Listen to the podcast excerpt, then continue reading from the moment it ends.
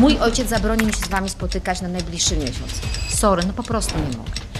Rodzic może być tym wytrychem dla niego. Jest telefon, jest to. Mówią telefon, zazwyczaj mówią, to jest po to, żebym miała z tobą kontakt. Dlatego, że to dziecko, które kiedyś nie miało tego, wracało do domu i traciło z oczu porównanie.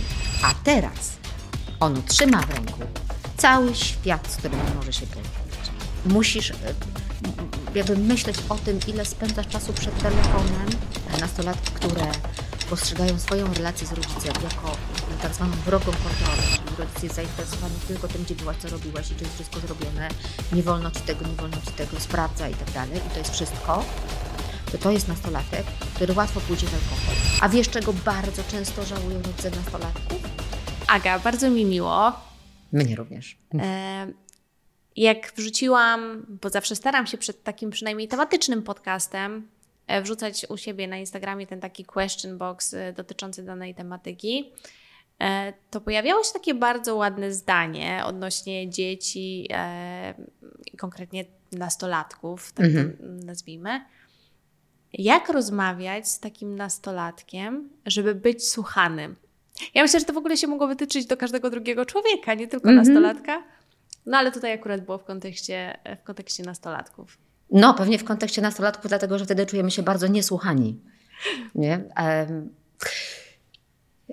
Jakbym ja znała sposób na to, jak rozmawiać z nastolatkami, żeby być słuchanym, to wiesz, to ja bym tutaj spała na pieniądzach, bo sprzedałabym trzy książki o takim tytule, wiesz, w trzech częściach i no, miazga. I wszyscy spali Więc- spokojnie wtedy. Dokładnie. Przede wszystkim e, to, to jest pytanie e, trochę za mało precyzyjne, żeby na nie tak odpowiedzieć, bo po czym poznasz, że jesteś słuchana? To Mhm. jest, nie? Co to znaczy? Y, To znaczy, że y, na przykład nastolatek będzie wykonywał Twoje polecenia? Tak, właśnie chciałam to powiedzieć, że to pewnie o to chodzi, nie? Mm. To jak mówić, żeby nastolatek wykonywał polecenia? No, po, do pewnego stopnia możesz go trochę postraszyć. możesz go trochę poprzekupywać. Kiedy jesteś rodzicem nastolatka, to musisz się naszykować na to, że wiele razy będziesz mieć poczucie, że nie jesteś słuchana. Że e, wręcz mogłabyś poprosić o coś przeciwnego, wtedy byś dostała to, co tak naprawdę chcesz. Szybciej byś to dostała niż prosząc o coś. Że wszystkie Twoje prośby są odraczane. Zaraz, za chwilę, moment. Nie? Tylko powiedziane nieco ostrzejszym tonem często. Mm. I e, część, wynika, e, część wynika z tego, że e, nastolatek e, ma sprawy dużo ważniejsze niż e, Twoje polecenia. E, część z tego, że ma nerwy i te, te nerwy to jest w ogóle jakby oddzielny kawałek. Przede wszystkim bardzo mu jest blisko do gniewu. I gniewem, jakby gniew pojawia się y, jako taka pierwsza emocja bardzo szybko, nie? jest bardzo pobudliwy. Y, To, to jest jakby wynik tego, jak działa jego mózg w tym czasie. To nie jest jego wina czy zły charakter. Okej.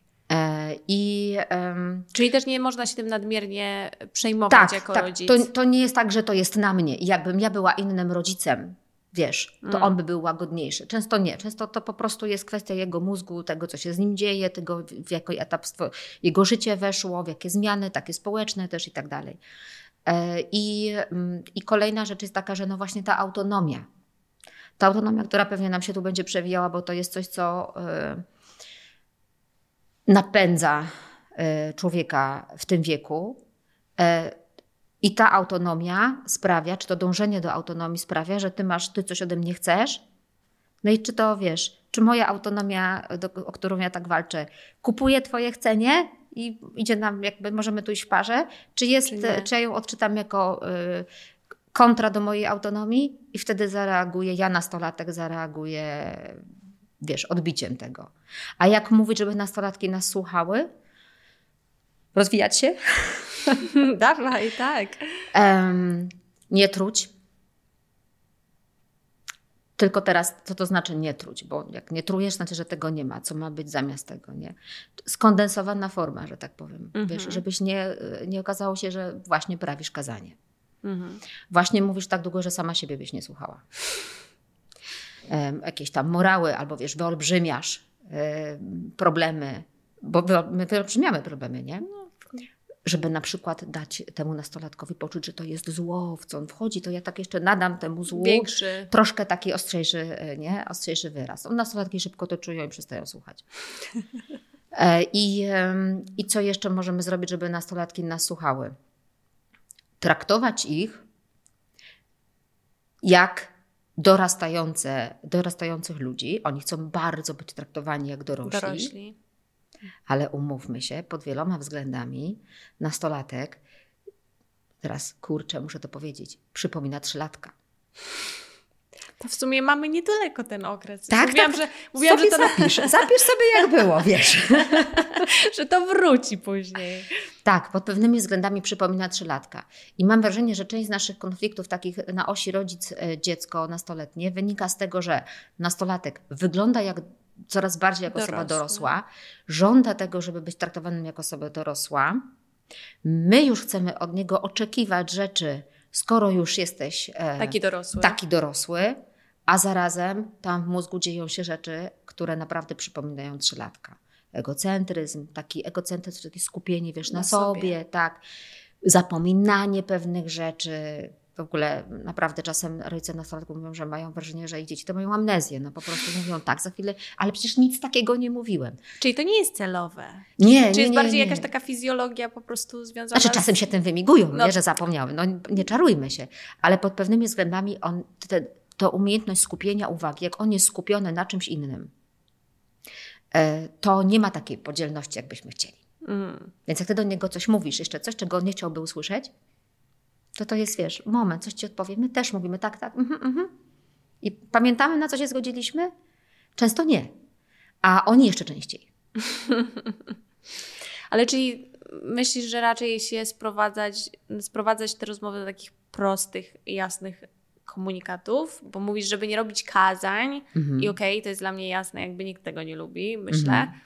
E, więc tak sobie myślę, czy popro... i mówisz też o tym, że lubią odwlekać, czyli czy te komunikaty powinny być takie właśnie bardziej czy mógłbyś teraz zrobić to? Nie wiem, podaję Jak czy mógłbyś, pytasz, to wiesz, otwierasz się na odpowiedź powie nie, nie. nie mógłbym i musisz to uszanować. I pewnie taką odpowiedź dostaniesz. Najprawdopodobniej. Wiesz co, tu jeszcze, tu jeszcze jest e, taka, mm, taka jedna zagwozdka. Zobacz, przed chwilą mnie zapytałaś i powiedziałaś rozmawiać, proste komunikaty. Rozmawiamy, jednej- czy wydajemy polecenia? O co nam chodzi? Nie? Bo jak wydajemy polecenia, to jest jakby jeden taki pakiet i e, to nie jest rozmowa. No tak. Czy ch- chodzi nam o to, żebyśmy rozmawiali? Mhm. I to jest już odrębna historia. Myślę, że wielu rodziców, którzy zadali właśnie to pytanie, może mieć problem z tymi e, dwiema rzeczami, właśnie Mhm. rozmową, a, a wyda... Pe, bo pewnie to, o co tutaj chodziło a propos bycia słuchaniem, no, to pewnie właśnie chodziło o Mhm. wykonywanie Polecenia, poleceń. tak, tak, tak. Em, bo pewnie to sprawia największą trudność. I w kontekście tego, tak sobie myślę, ja to widziałam chyba u Ciebie e, na Instagramie, tak mi się wydaje, że nie tylko małym dzieciom, czyli właśnie takim trzylatkom, ale już Mhm. teraz wiemy, że ten nastolatek nie jest wcale daleki od tego trzylatka, że te dorosłe dzieci też potrzebują stawiania granic. Mhm.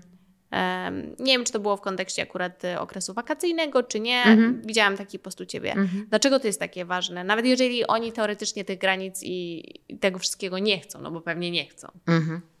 Okej, to jest trochę złożone, ale, Lubimy złożone po, pytania. ale mogę się rozwinąć. Po pierwsze, dlatego że jeżeli nie ma granic, ale, ale nie granic jakichkolwiek, tylko takich granic, y, wiesz, wynikających z idei kocham i wymagam, nie? Kocham Cię bezwarunkowo, jesteś moim dzieckiem, akceptuję Ciebie. W naszym domu są pewne zasady, są pewne obowiązki, z których musisz się wywiązać, e, są pewne, nie wiem, pewne ograniczenia, czy, ale nie ograniczenia po to, żeby ci dowalić, Mm. tylko na przykład zależy mi na Twoim bezpieczeństwie, tak? Zależy mi na Tobie. Albo chcę Cię przygotować do tego, że wiesz, jakby masz żyć w społeczeństwie, a on jednak pewnymi zasadami się kieruje. Jeżeli mamy je łamać, super, ale to łammy je świadomie, nie? Najpierw musisz je znać, wiedzieć, jak funkcjonuje społeczeństwo, dawać sobie w nim radę.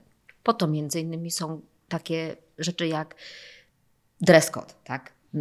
dajmy na to. I mówimy do dziecka, fajnie, do szkoły super, ale na imieniny do babci chyba może warto byłoby coś zmienić, tak? No już taki banalny przykład, tak? Chociaż częściej do szkoły to jest coś nie halo. Mhm.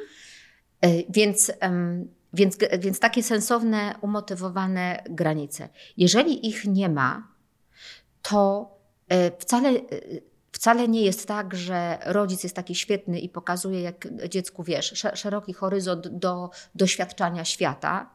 No bo ja tak nie miałam na przykład, nie? Mnie rodzice ograniczali, albo ja czegoś nie miałam jakiejś możliwości, niech on idzie i doświadcza świata. Mhm. Jak ja mogę mu zabronić? Przecież on jest już prawie dorosły i takie tam wjeżdżają rzeczy. A dla nastolatka, który tak, tak ma, to jest wroga swoboda.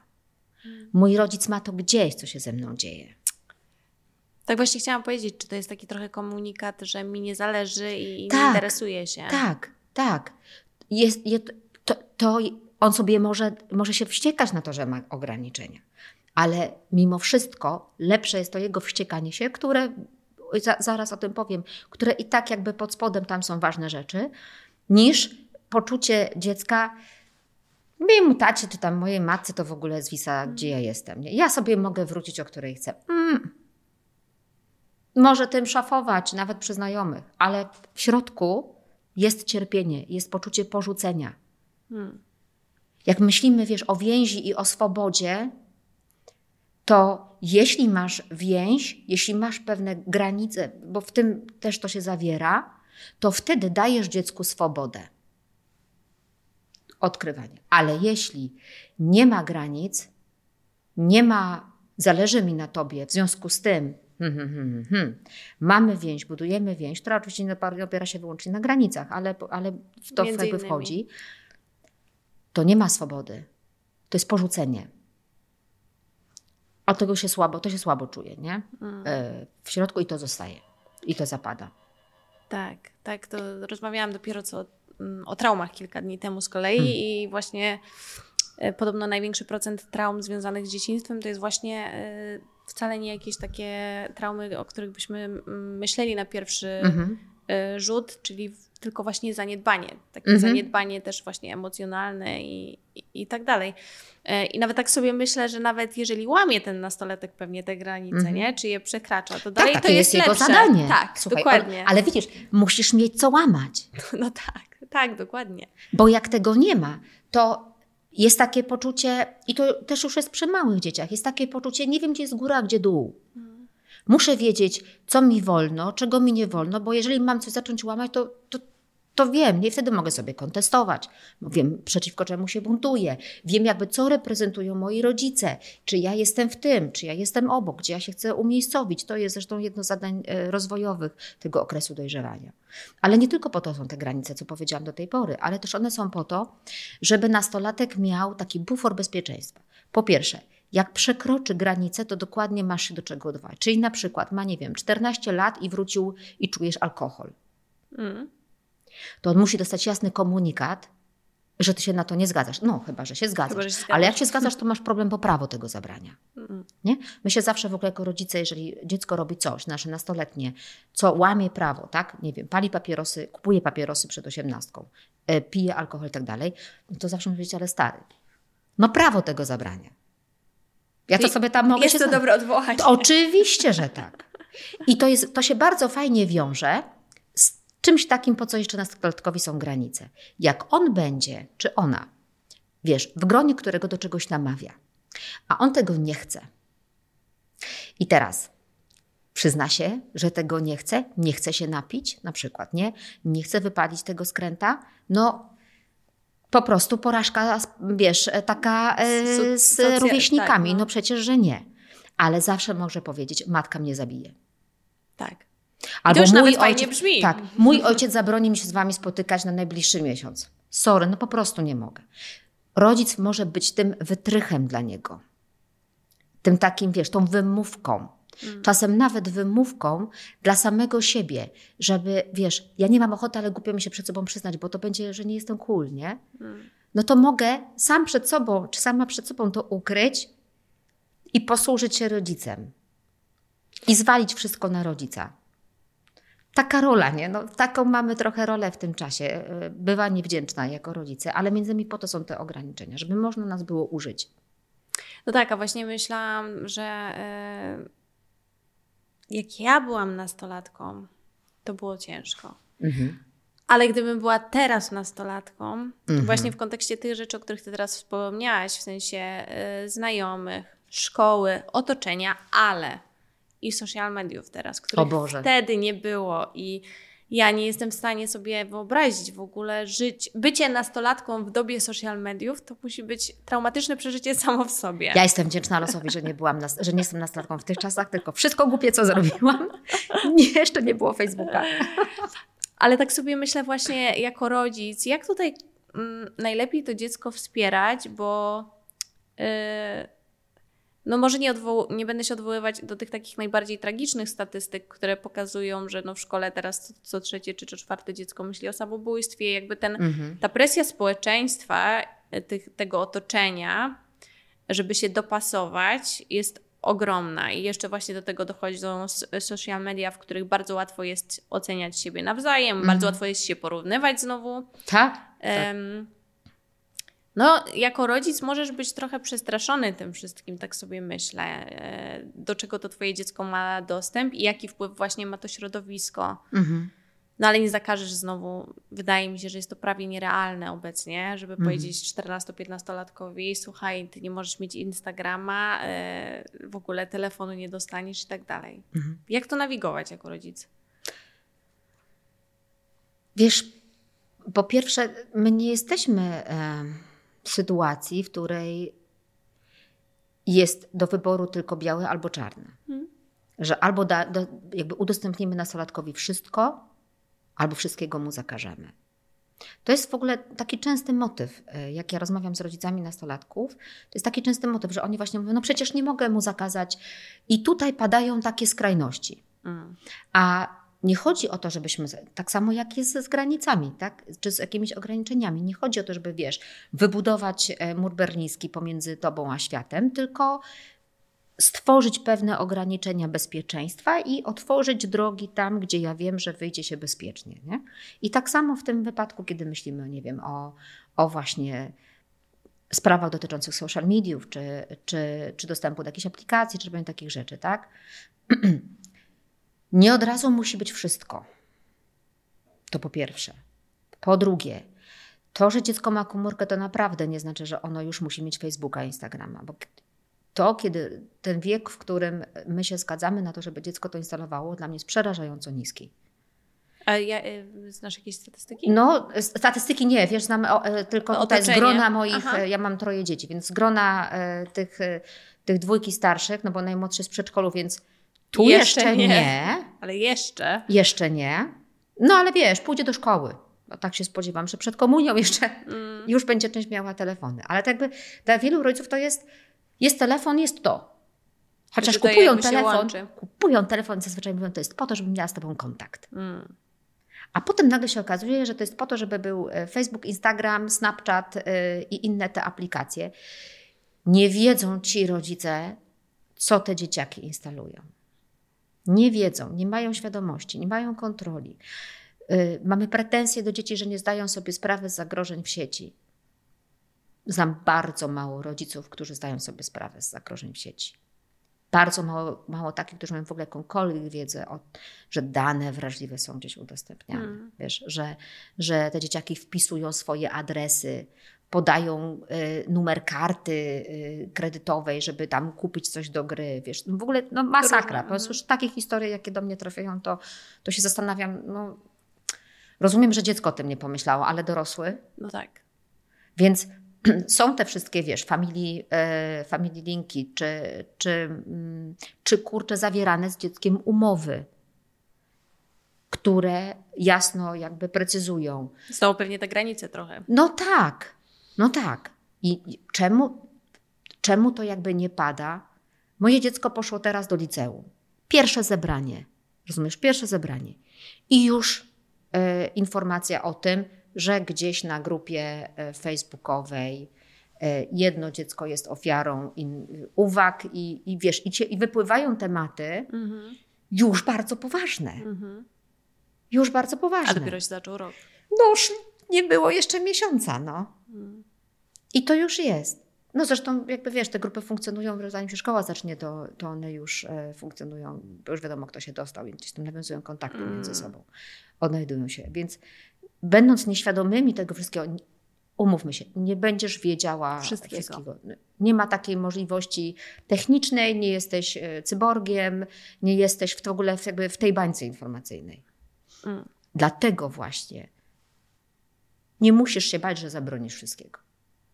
Ale umówmy się na zasady y, funkcjonowania. Na przykład do 15 roku życia będzie to, nie będzie tamtego, tak? Dlaczego? Dlatego, chociażby dlatego, że regulamin na to nie pozwala.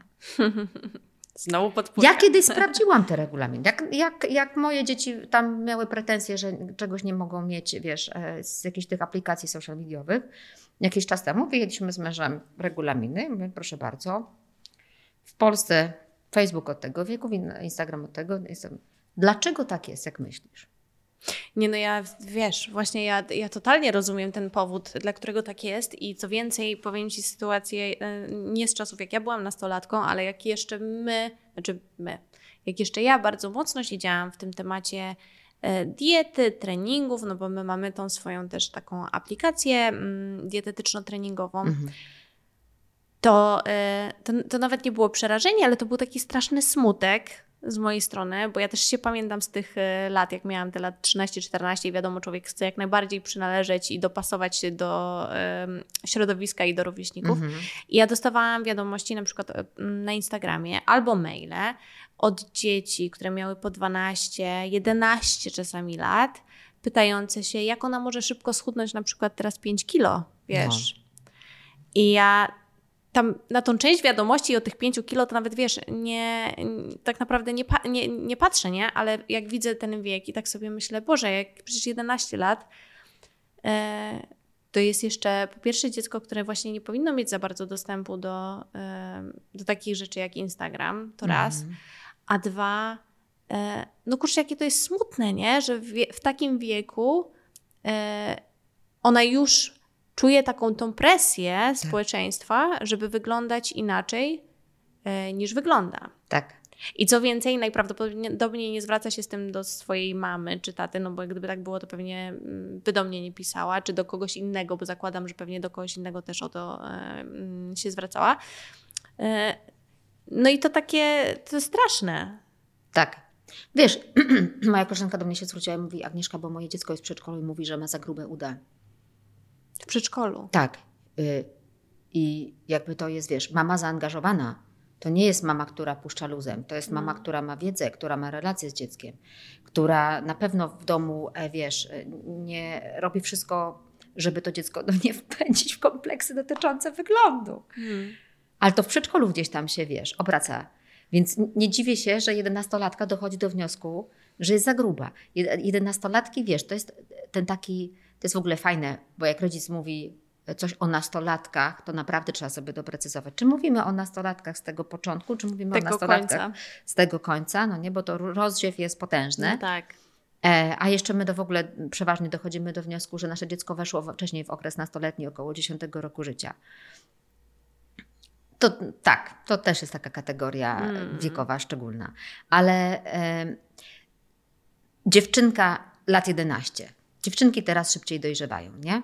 Generalnie statystycznie tak jest, że kiedyś ten czas, nawet tej pierwszej miesiączki, był później Mm. niż tak jak teraz. Teraz jest szybciej. Coś się dzieje z tym ciałem dziecka. Dziecka, w głowie No jeszcze tak, dziecka. A ciało się zmienia i to bardzo dynamicznie, Ciało nie? się zmienia. Przyrost tkanki tłuszczowej jest naturalny, prawda? Pojawiają się gdzieś tam tu zaokrąglenia na biodrach. Biust Y, rośnie. y, Tak, tu się zmienia. Po, do porównań, y, po prostu porównania się same cisną. Możesz nie mieć Instagrama jako ta jedenastolatka, ale idziesz do swojej klasy, tak jak ja się przyglądam temu, tym szkołom, w których czasem jestem. No i słuchaj, 11 lat to możesz mieć 1,45 m i 1,65 m. Hmm. I to jest, ten, to, I to jest jedenastolatek, i to jest jedenastolatek. Czy jedenastolatka. Dziewczyny wyglądają, jak były dwa lata starsze od chłopców, a są w tym samym wieku. Różnice pomiędzy dziewczynami kosmos. Jak ja weszłam kiedyś, to no, dziewczyny miały większy biust ode mnie. No nie? Całe były większe ode mnie niektóre, a niektóre mi sięgały, wiesz, do brody. Ten, ta sama klasa. Mm. Więc porównania już się tutaj same cisną. Nie wiem, za moich czasów, za moich czasów w ogóle, ale za moich czasów to, to było to porównywanie się, która ma już okres. No, i, I ta jest lepsza. No tak, pomaga. Więc nie sądzę, żeby w tej kwestii się coś zmieniło, Zmieniło. teraz. Raczej dalej się porównują dziewczyny, y, Mhm. wiesz, po, pod tym kątem. Ale Facebook czy Instagram zwłaszcza, no bo Instagram jest taki obrazkowy, jeszcze to wzmacnia, Podsyca. jeszcze to Mhm. podbija. A wiesz czemu? I to też do, dotyczy granic. Dlatego, że to dziecko, które kiedyś nie miało tego, wracało do domu i traciło z oczu porównania. Czyli miało go cały czas. Tak. A teraz ono trzyma w ręku cały świat, z którym może się porównać. Leży w łóżku i może sobie przeskrolować dowolną osobę, z którą się porówna. Mm. Tendencja będzie na niekorzyść. Że będzie tylko gorzej. Łatwiej jest się porównać y, i wypaść gorzej, bo my siebie nie No tak. widzimy y, Jesteśmy obiektywnie. nieobiektywni, tak. Tak, zaniżone poczucie własnej wartości i kompleksy to jest pewna cecha taka, y, która często dotyka nastolatków. Więc takie porównania tylko to wzmacniają i leży to dziecko i widzi, wiesz, te 100 przykładów Mm. na to, że jest gorsza, brzydsza, grubsza, gorzej ubrana. Jeśli w tym momencie rodzic nie sprawuje kontroli nad A, znaczy nie sprawuje kontroli, sprawować kontrolę możemy nad włączeniem telefonu, to tak. Tak? Bo tutaj może, można łatwo się umówić. Jedno to jest, są te aplikacje, które po prostu wyłączają telefon. Inne to jest, umawiamy się, że o 20 telefon ląduje na komodzie w dużym pokoju, tak? I już nie masz tego telefonu. To są takie rzeczy. Takie, że tak powiem, zero-jedynkowe trochę. Nie? A druga rzecz to, to jest, kiedy umawiamy się na dostęp do jakiejś aplikacji. I więc jeżeli rodzic jakby tutaj nie jest zaangażowany, no to sam wpuszcza ten cały świat do, do pokoju dziecka. Ten cały świat, który będzie lepszy od niej. Mało tego, to jest cały świat, który może jej powiedzieć, ale jesteś brzydka. I wyjść. Mm. Kiedyś to było ograniczone grono. Klasy, podwórka, wiesz, przez telefon ktoś mógł ci to powiedzieć, ale to już jak telefon zadzwonił, wszyscy wiedzieli, nie? że coś tam się dzieje. Że, że... A teraz cały świat ma dostęp do twojego dziecka poprzez te aplikacje. I jak już rozmawiałyśmy poza anteną, naprawdę nie ma hamulców na online. Mm-mm. Nie ma. Ludzie z jakiegoś powodu, nawet jak są podpisani nazwiskami, Tak, bo kiedyś właśnie to jest coś, co się zmieniło na przestrzeni Mm. ostatnich lat, co ja obserwuję, mm, wchodząc Ci na chwilę w, w słowo, że kiedyś jeszcze ludzie nie mieli takiej odwagi, Mhm. żeby pokazać swoją twarz, imię i nazwisko i nie będę używała słowa krytyka, bo to nie jest krytyka, tylko po prostu brzydki hejt. A teraz już nie ma tej bariery. Teraz ja często wchodzę w taki profil i to jest mama, która ma na... ta mama, bo widzę, że ma dzieci i to ona potrafi wypisywać takie rzeczy w Mhm. stosunku do Mm. na przykład innego dziecka i Mhm. to jest, to jest dla mnie szokujące, co się dzieje. Mhm. E, dlatego tak jak mówisz, że nie ma granicy. Ja Więc jeszcze to dorosła no osoba. właśnie, A tak. weź teraz niedojrzały mózg. dziecko. No. nie?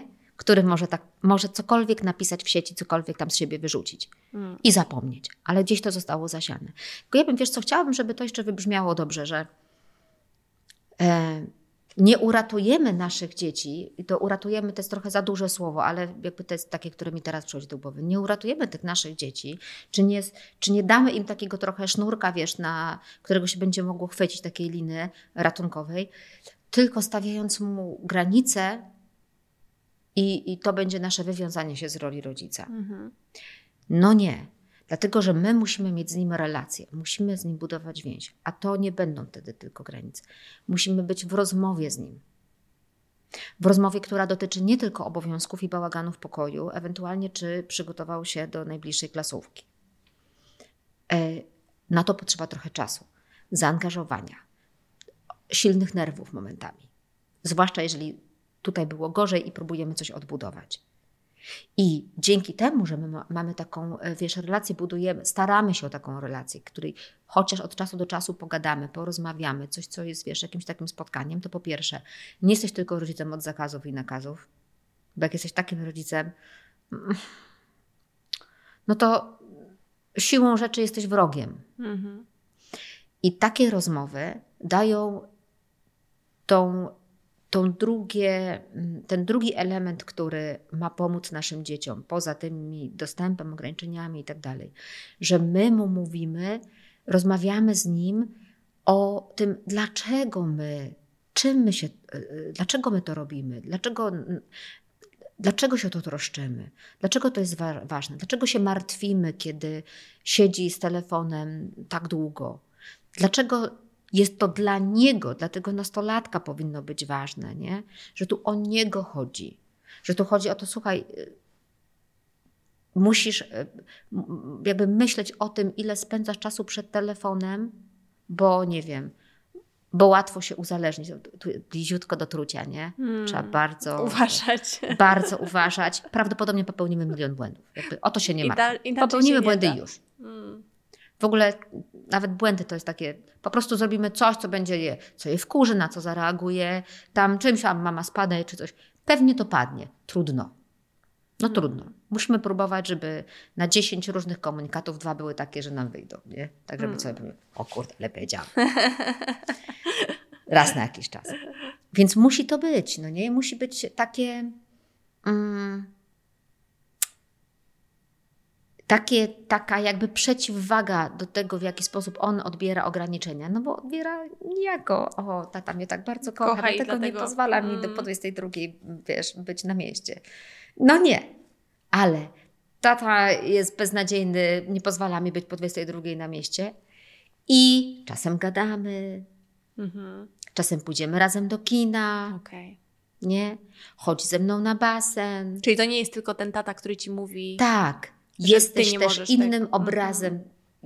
Więcej tych puzli jest. Mm, Nie jesteś tylko szlabanem. mm. Albo tym, kto sprawdza oceny i tak dalej. Tak, tak, tak. To dziecko tam nam się będzie wymykać, nie? Będzie próbować, będzie łamać y, te zasady. Tylko jeżeli przegniemy, na przykład, i będziemy tylko od takiej wrogiej kontroli, to to dziecko, wiesz, na złość mamie odmrozi sobie uszy.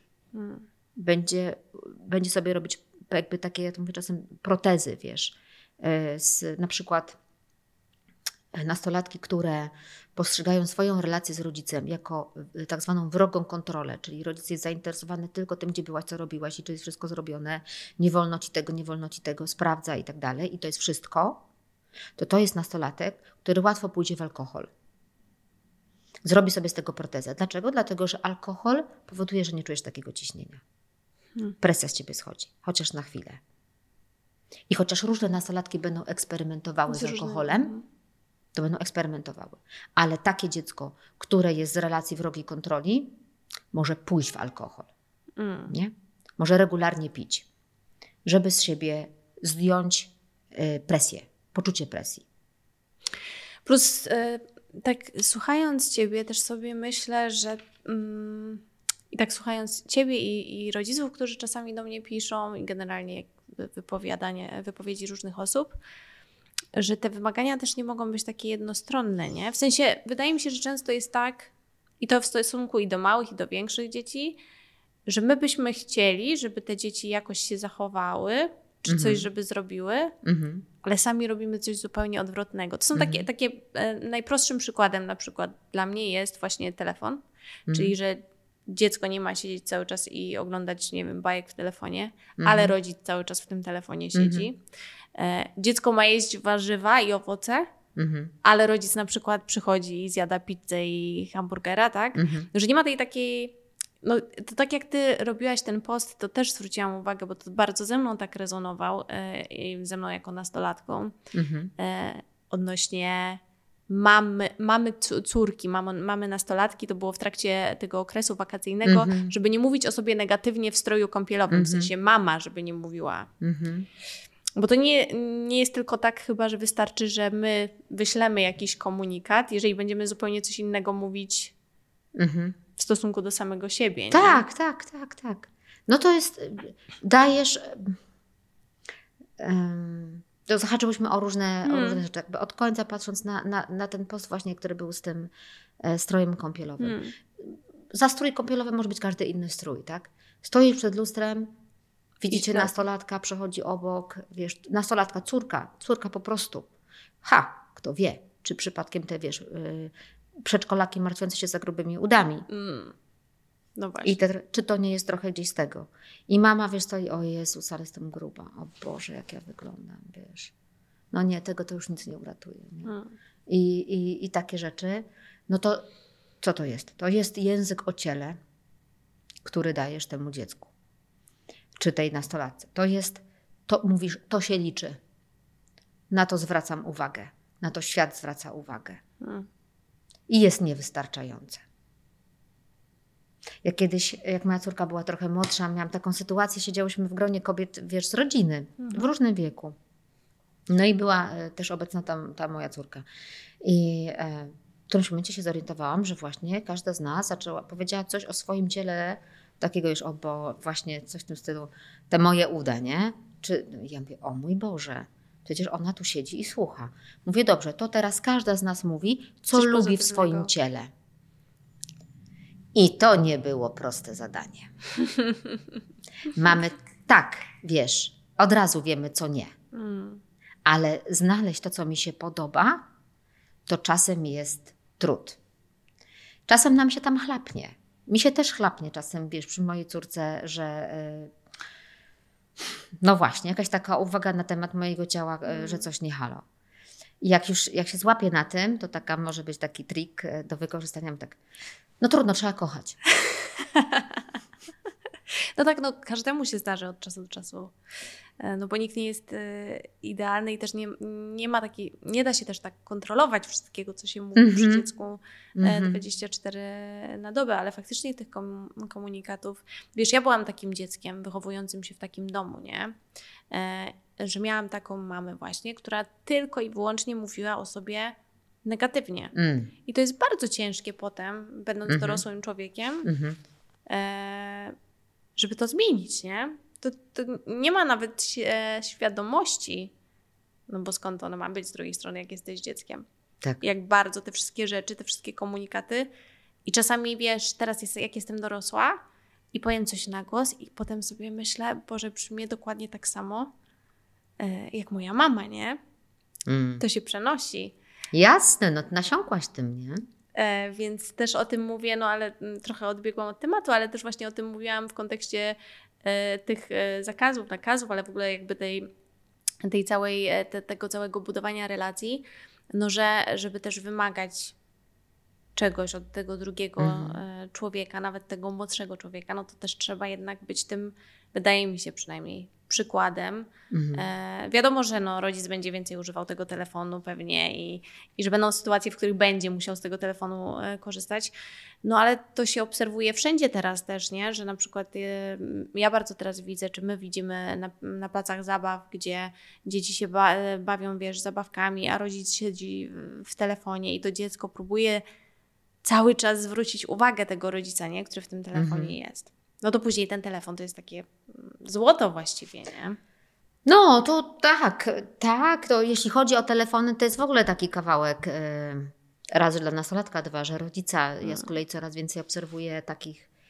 e, Po pierwsze, kiedy kobiety do mnie wysyłają wiadomości najczęściej i sobie myślę, co ty robisz o tej 22, 23 z tym telefonem? W piątek, w sobotę Mhm. na przykład, nie? Dlaczego? I, I to piszą potem faceci, że moja żona woli scrollować y, Facebook i Instagramy zamiast, y, nie wiem, być ze mną. Mhm. A z kolei kobiety skarżą się na y, swoich mężów, którzy grają. Namiętnie grają na komórkach. Mhm. Więc i potem w ogóle sobie myślę tak, i to są ci sami rodzice. To są prawdopodobnie ci sami ludzie, część z nich, która ma problem z tym, że ich dziecko za dużo używa telefonu. Mhm. Jak to No jest? stop, tak. Jak to jest to samo, nie? Więc no tak, tutaj w tym wypadku ja nie jestem zwolenniczką ustanawiania dokładnie takich samych zasad dla e, Rodziców, dzieci i dla rodziców, bo to by- To byłoby absurdalne. Mhm. Ale musimy być przykładem. Mhm. Przynajmniej do pewnego stopnia. A przy okazji, wiesz, wracając do tego, co ty powiedziałaś o, e, o tych komunikatach i, i, co, i co będzie też jakby dotykało tego nastolet... komunikowania się z nastoletnim dzieckiem i tego bycia słuchanym. My mamy, jakby to porównać, e, nasze myśli w głowie, naszego, nasze dorosłe, to jest tak jakby ta, tak, jak taki wielki tort.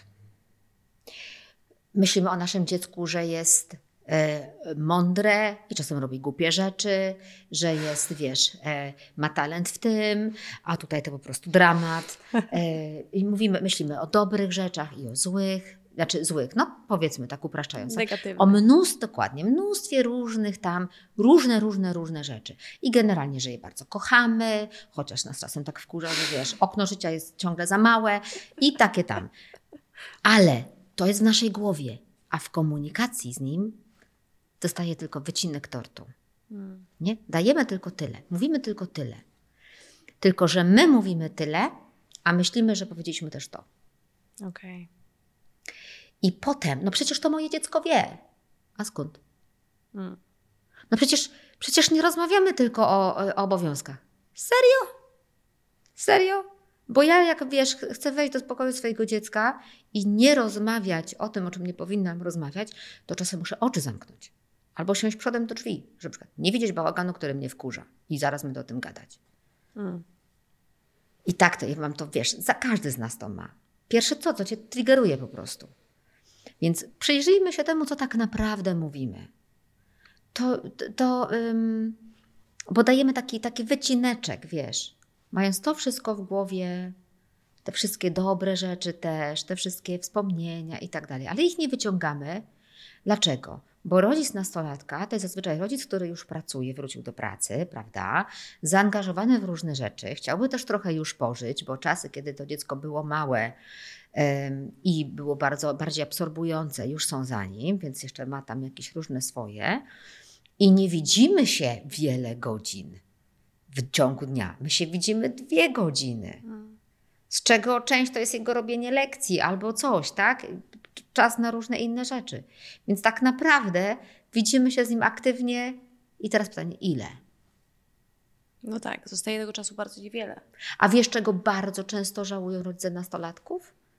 Że się wypisali ze wspólnych posiłków.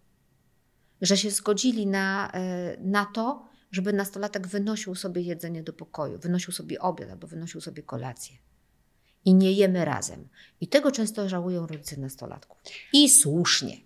A czemu? A, a, a, mm, no okej, bo ja jeszcze nie jestem, wiesz, Mhm. y, ja, jest, ja jeszcze nie jestem mamą nastolatka, nastolatki, a ja z kolei pamiętam, że ja, ja, ja marzyłam o tym, żeby u mnie w domu były jedzone posiłki po prostu wspólnie przy stole. I teraz się zastanawiam, z czego to wynika, że ten nastolatek ma taką potrzebę, nie? Bo to tak To nie jest potrzeba, chęć. chęć, okej. Mhm.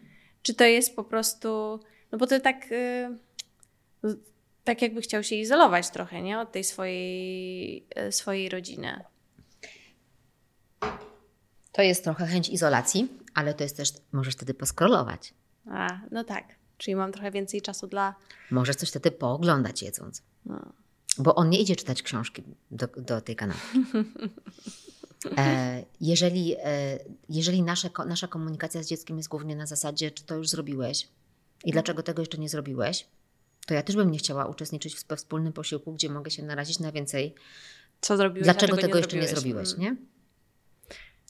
E, Czyli jakościowa tutaj rozmowa byłaby jednak. Tak. y, Tak, i, i, i wiesz, dokładając do tego wszystko znowu ta autonomia może być powodem, że on chce po swojemu i tak dalej. Ale ym, będę tutaj stała na, na stanowisku, że jeden chociaż posiłek dziennie, ta kolacja, na którą się schodzi rodzina, to nawet jak będzie wywracanie oczami, a będzie. To, to jest coś, co po prostu pilnowałabym i ja tego też bardzo pilnuję w domu mm.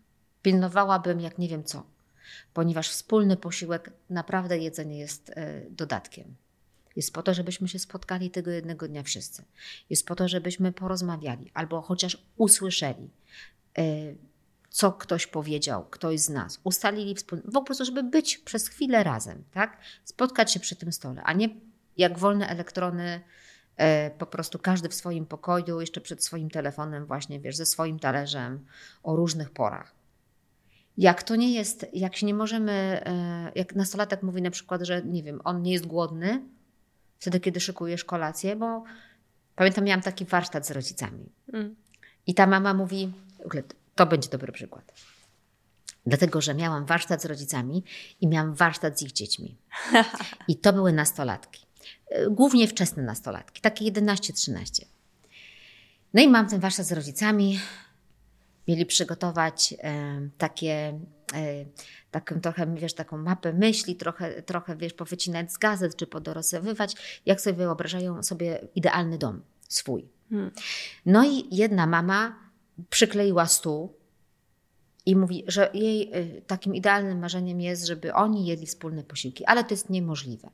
Dlatego, że zawsze jak jest wspólny posiłek, to jej córka mówi, że nie jest głodna i ona nie chce. Siedzi osiem, ośmioro innych rodziców i mówią, e, no to może zmień godzinę posiłku. Nie, nie, bo to i tak będzie źle, to i tak nie będzie jej pasować, ona tylko i tak na przekór, to i tak nie ma sensu. Słuchaj, robię potem e, warsztat z tymi dzieciakami. Mają to samo zadanie. I dziewczynka tej, e, córka tej mamy przykleja stół, Że chciałaby wspólnie. że marzy o wspólnych posiłkach. Jak myślę o tym, wiesz, mam ciary po prostu. To było tak wzruszające, bo to w ogóle był taki, to była dziewczynka, która naprawdę trudne takie rzeczy przechodziły przez gardło. I mówię, no ja pierniczę, jak to jest możliwe? Jak to jest możliwe, że żyją pod jednym dachem, mają tą samą potrzebę, I nie i się nie mogą spotkać w pół drogi. Ale można się nie spotkać, bo na Mm. przykład przekonania są takie silne. Ta matka miała przekonanie dotyczące swojej córki, że ona będzie zawsze stawać okoniem i że to, że ona nie chce, to jest na przekór. Może ta nastolatka naprawdę nie była głodna. Tego dnia. Po prostu. Może to naprawdę było nie ta pora. Dzieciakom ten sposób odżywiania się w okresie nastoletnim się zmienia. Pory się zmieniają i dnia się zmienia. Czasem my naprawdę tkwimy jeszcze w, czasie, w tych czasach, kiedy ono było, miało 7 lat i nam się wydaje, że właściwie to powinno to dalej działać. Nie. Ich w ogóle chwała Bogu, że nie. Bo jak spojrzymy na ten nastoletni okres, to całe szczęście czas płynie. I to, co jest takie przedziwne w wieku, kiedy on ma 12-13 lat, będzie miał 15 i tego już nie będzie. Będzie coś nowego. Będzie coś nowego, jasne, nie? Ale pewne rzeczy już, już się będziemy lepiej rozumieć. Już go coś nie będzie drażnić, bo już będzie na innej planszy po prostu, Mm. mając te 15. Musimy tylko to przetrwać, ten, ten trudny czas. Więc nawet dobrze, że ten czas płynie, ale żebyśmy sobie nie wyobrażali, że teraz tylko się zmieniło to, że on trochę urósł. A jak rozumieć takie komunikaty? Bo to też się mm, pojawiało w tych pytaniach. yy, I ja pamiętam, że ja sama takich komunikatów jako nastolatka yy, używałam. Typu, nie chcę z tobą rozmawiać. Jakby, wiesz, takie, że ty nie jesteś tą osobą, z którą ja i wiesz, trzaskanie drzwiami. Czy to rzeczywiście jest tak, że, że ten nastolatek, ta nastolatka, oczywiście to się będzie różniło mm, od osoby do osoby, mm, Tak. Czy to naprawdę jest tak, że ona nie chce, czy to jest takie po prostu, że mówię, że nie chcę, ale tak naprawdę bym chciała, żebyś się mną zainteresowała. Mhm. Bo to często się zdarza, nie? Takie rzucane E, tak, eter, nie chcę z tak. rozmawiać, odejdź, w ogóle mm, ten bunt nastolatka i tak dalej. E, Jak tak. odbierasz takie komunikaty jako rodzic? Wiesz co myślę? Jeszcze myślę, że jest różnica między nie chcę z tobą rozmawiać i nie chcę teraz rozmawiać. Aha. Czasem nie słyszymy tego teraz. Czasami słyszymy po prostu wybiórczo. Tak, tak. W ogóle nie chcę z tobą rozmawiać, to wiesz, to pada z ust, a, a odbiorca może usłyszeć jesteś beznadziejna, nie nadajesz się do rozmowy, już nic ci nigdy w życiu nie powiem. Przepuszczamy to przez te nasze Nadinterpretacja. filtry. Tak, dorabiamy tam te, tych znaczeń. E, No dobra, to będą, będzie to różnie, bo tak, może być tak, że nie chcę z tobą rozmawiać oznacza, że teraz jest, teraz po prostu nie. I też ma do tego prawo. I ma do tego prawo. I może nawet lepiej. Niech tam kurz opadnie po czymś i, i możemy spróbować drugi raz. Nie chcę z Tobą rozmawiać, to jest, może być też tak, i to jest taka gorzka pigułka do przełknięcia dla rodzica, że jeżeli do tej pory gadaliśmy, gadaliśmy y, głównie o tym, że y, coś jest źle zrobione, coś jeszcze nie jest zrobione, albo czy wiesz, czy spakowałaś basen, e, no to niekoniecznie to dziecko będzie chciało z nami rozmawiać, nawet jak będzie miał ewidentnie mieć jakiś problem. I my byśmy bardzo chcieli, żeby ono chciało. Przecież przechodzę, rozmawiaj ze mną. A my najpierw musimy się nauczyć e, gadać o czymś więcej. I ono nie chce, bo ono jest zrażone na przykład do rozmów z nami. Tak też może być. Może być e, też tak, że nie dowiemy się o co chodziło. Hmm. Po prostu, dlatego że ta autonomia, o której rozmawiałyśmy wcześniej, to też polega na tym, że o pewnych rzeczach już nie będziesz wiedzieć. Chcę to zachować dla siebie. To jest moja sprawa. Będę o tym gadać z nikim, albo będę o tym gadać z koleżankami czy z kolegami, albo z kimś tam dla mnie ważnym, ale tobie nie powiem. I to nie znaczy, że jesteś złym rodzicem, bo nie idę się do ciebie wyspowiadać. To naprawdę to nie oznacza. Mówię teraz bardzo mocno do tych rodziców, którzy mają takie oczekiwanie, że to będzie taki test, bo wiesz, że czasem tak mówią. E, jak ja mam rozmawiać z moim dzieckiem, bo ja bym chciała, żeby, żeby on e, dalej był ze mną w takiej relacji Jak i mi tam opowiadał i tak dalej. E, Z tym bym się trochę pożegnała. Hmm. Jak dziecko przychodzi nam totalnie wszystko opowiedzieć, ten nastolatek, to bym się zastanawiała, a dlaczego to robi? Dlaczego nie idzie z kimś jeszcze pogadać? Mm. Dlaczego, wie, czy ono ma, czuje, że ma obowiązek mi to wszystko opowiedzieć? Jaka to jest? Czy na pewno Czy może nie ma z kim? może bym, może bym od razu, wiesz, to jest wiesz, coś niewłaściwego, ale bym, wiesz, wzięła sobie to pod lupę jako, Mhm. jako rodzic. W każdym razie y, możemy się nie dowiedzieć i to może, możemy się dowiedzieć po czasie. Na przykład jedna mama kiedyś na warsztatach mi powiedziała, po pół roku przyszedł do niej syn, z którym miała bardzo fajną relację i była z tej relacji naprawdę zadowolona, że, że razem robią różne rzeczy, wiesz, oglądają filmy, gadają o pierdołach i jest fajnie. A on po pół roku jej powiedział, że pół roku temu miał taki bardzo trudny czas, że miał nawet myśli samobójcze. No i teraz. Gratulować jej czy nie? Hmm. No bo wtedy jej nie powiedział. Wtedy, Ale- kiedy to się działo. Tak. Ale żyje i po pół roku jej powiedział. Mimo wszystko powiedziałabym, że to jest jakiś sukces. Bo mógł nie przyjść i nie powiedzieć tego po pół roku. Wiesz, miałem taki trudny czas. A powiedział, żyje. To jeśli, jeśli przeszedł przez to, e, to, to wiesz, to, to jest fajna przestrzeń do rozmowy. Kto ci pomógł? Jak sobie pomogłeś? Nie, dlaczego mi nic nie powiedziałeś? Mm. Tylko jak to zrobiłeś, że sobie pomogłeś? Wspaniała przestrzeń do rozmowy. Więc kiedy dziecko do nas przychodzi i mówi, że w przeszłości było coś, to nie słuchajmy tego, bo, bo często nasze pytanie, dlaczego nic mi nie powiedziałeś, jest z tego, że my się czujemy ominięci albo nie zadbaliśmy, bo po, wiesz, jakby to jest o nas. To nie, nie, nie, to nie jest do, o dziecku, tylko to jest o nas. Ale możemy to wykorzystać. Jak sobie pomogłeś? No bo ewidentnie jakoś sobie pomogłeś. Co ci pomogło? Do kogo z tym poszedłeś? Czy ktoś o tym wiedział? Hmm. Być może się dowiemy, dlaczego nie przyszedł do nas. Takie wiesz, rozmowy. e, No tak, trochę- może wtedy przyjdzie następnym razem, nie? Jak może, tak. Jak dasz mu tą bezpieczną przestrzeń do rozmowy po tym, no to okej, to wysyłasz ten sygnał. Możesz mieć taką nadzieję, że wysyłałaś ten sygnał, że da się ze mną o tym pogadać. Jak następnym razem coś się będzie działo. Hmm. Może te pół roku po prostu temu coś, coś takiego było, że, że no nie. Niekoniecznie to mówi o tym, że jesteś złym rodzicem. Naprawdę niekoniecznie. Ja mam świetną relację z moją mamą i też nie o wszystkim wie.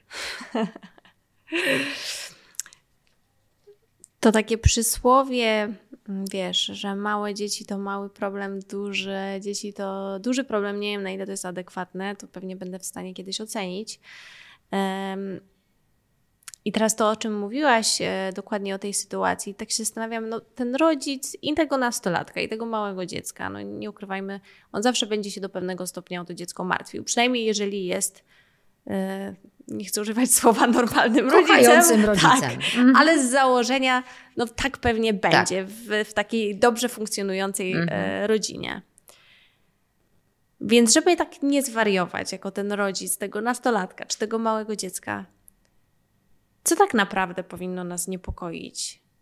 Jakby co obserwujemy dookoła? No bo tak jak mówię, no, też nie można dać się zwariować, nie? Że, że teraz po prostu, wiesz, będziemy żyli sparaliżo- sparaliżowani w ciągłym strachu, że a tu spróbuję narkotyków, a tu spróbuję alkoholu i tak dalej. Ale jakie są takie czerwone flagi, że, że coś się dzieje faktycznie niedobrego, na które warto zwracać uwagę.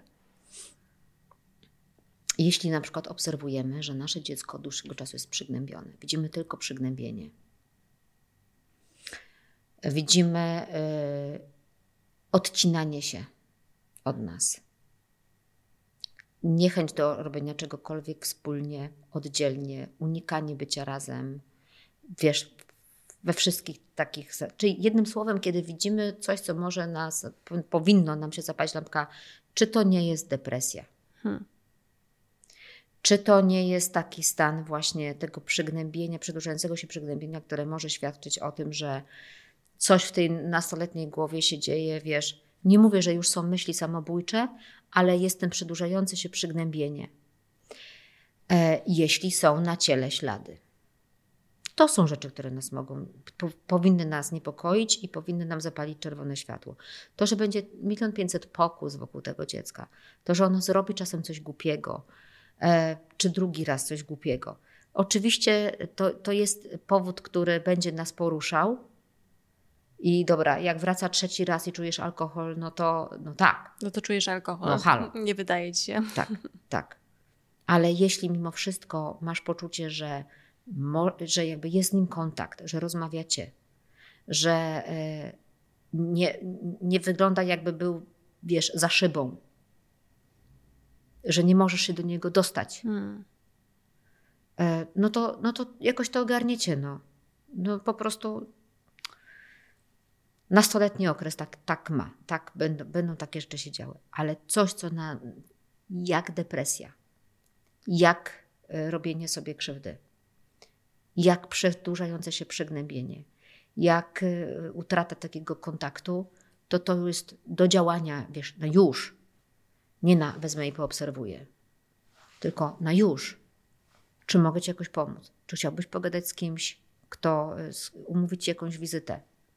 Co się dzieje. Możesz naprawdę nie mieć pomysłu, jak pomóc. Ja, ja kiedyś zrobiłam taką, w ogóle była jedna chyba z tych rolek, które u mnie miały taki, wiesz, taki potężny było. odzew. To było a propos właśnie myśli samobójczych e, u nastolatków, e, czy takiego przygnębienia. Nie wyskakuj z. E, potrzebujesz tylko więcej ruchu, trochę świeżego powietrza i zaraz ci będzie lepiej. Albo inna złota rada. Nie? Wyjdź na słońce nie rady. Nie musisz nawet wiedzieć, co teraz trzeba zrobić. Czy coś się dzieje. Wiesz, ja mogę nie wiedzieć, jak ci pomóc, ale może coś razem wymyślimy. Widzę, że coś się dzieje. Niepokoję się. Chciałabym ci pomóc. Pytać, wiesz, przestrzelisz, jednak nic, jednak po prostu głupi tydzień. Okay. Trudno. To nie jest kompromitacja, że zapytałaś. Natomiast lepiej pytać, i może być tak, że na przykład dziecko nie chce gadać z tobą, ale chciałoby pogadać z kimś obcym. To nie jest y, o twoim o rodzicielstwie. Naprawdę, moje dziecko też y, będzie ze mną inaczej gadało, chociaż jestem fachowcem, tak?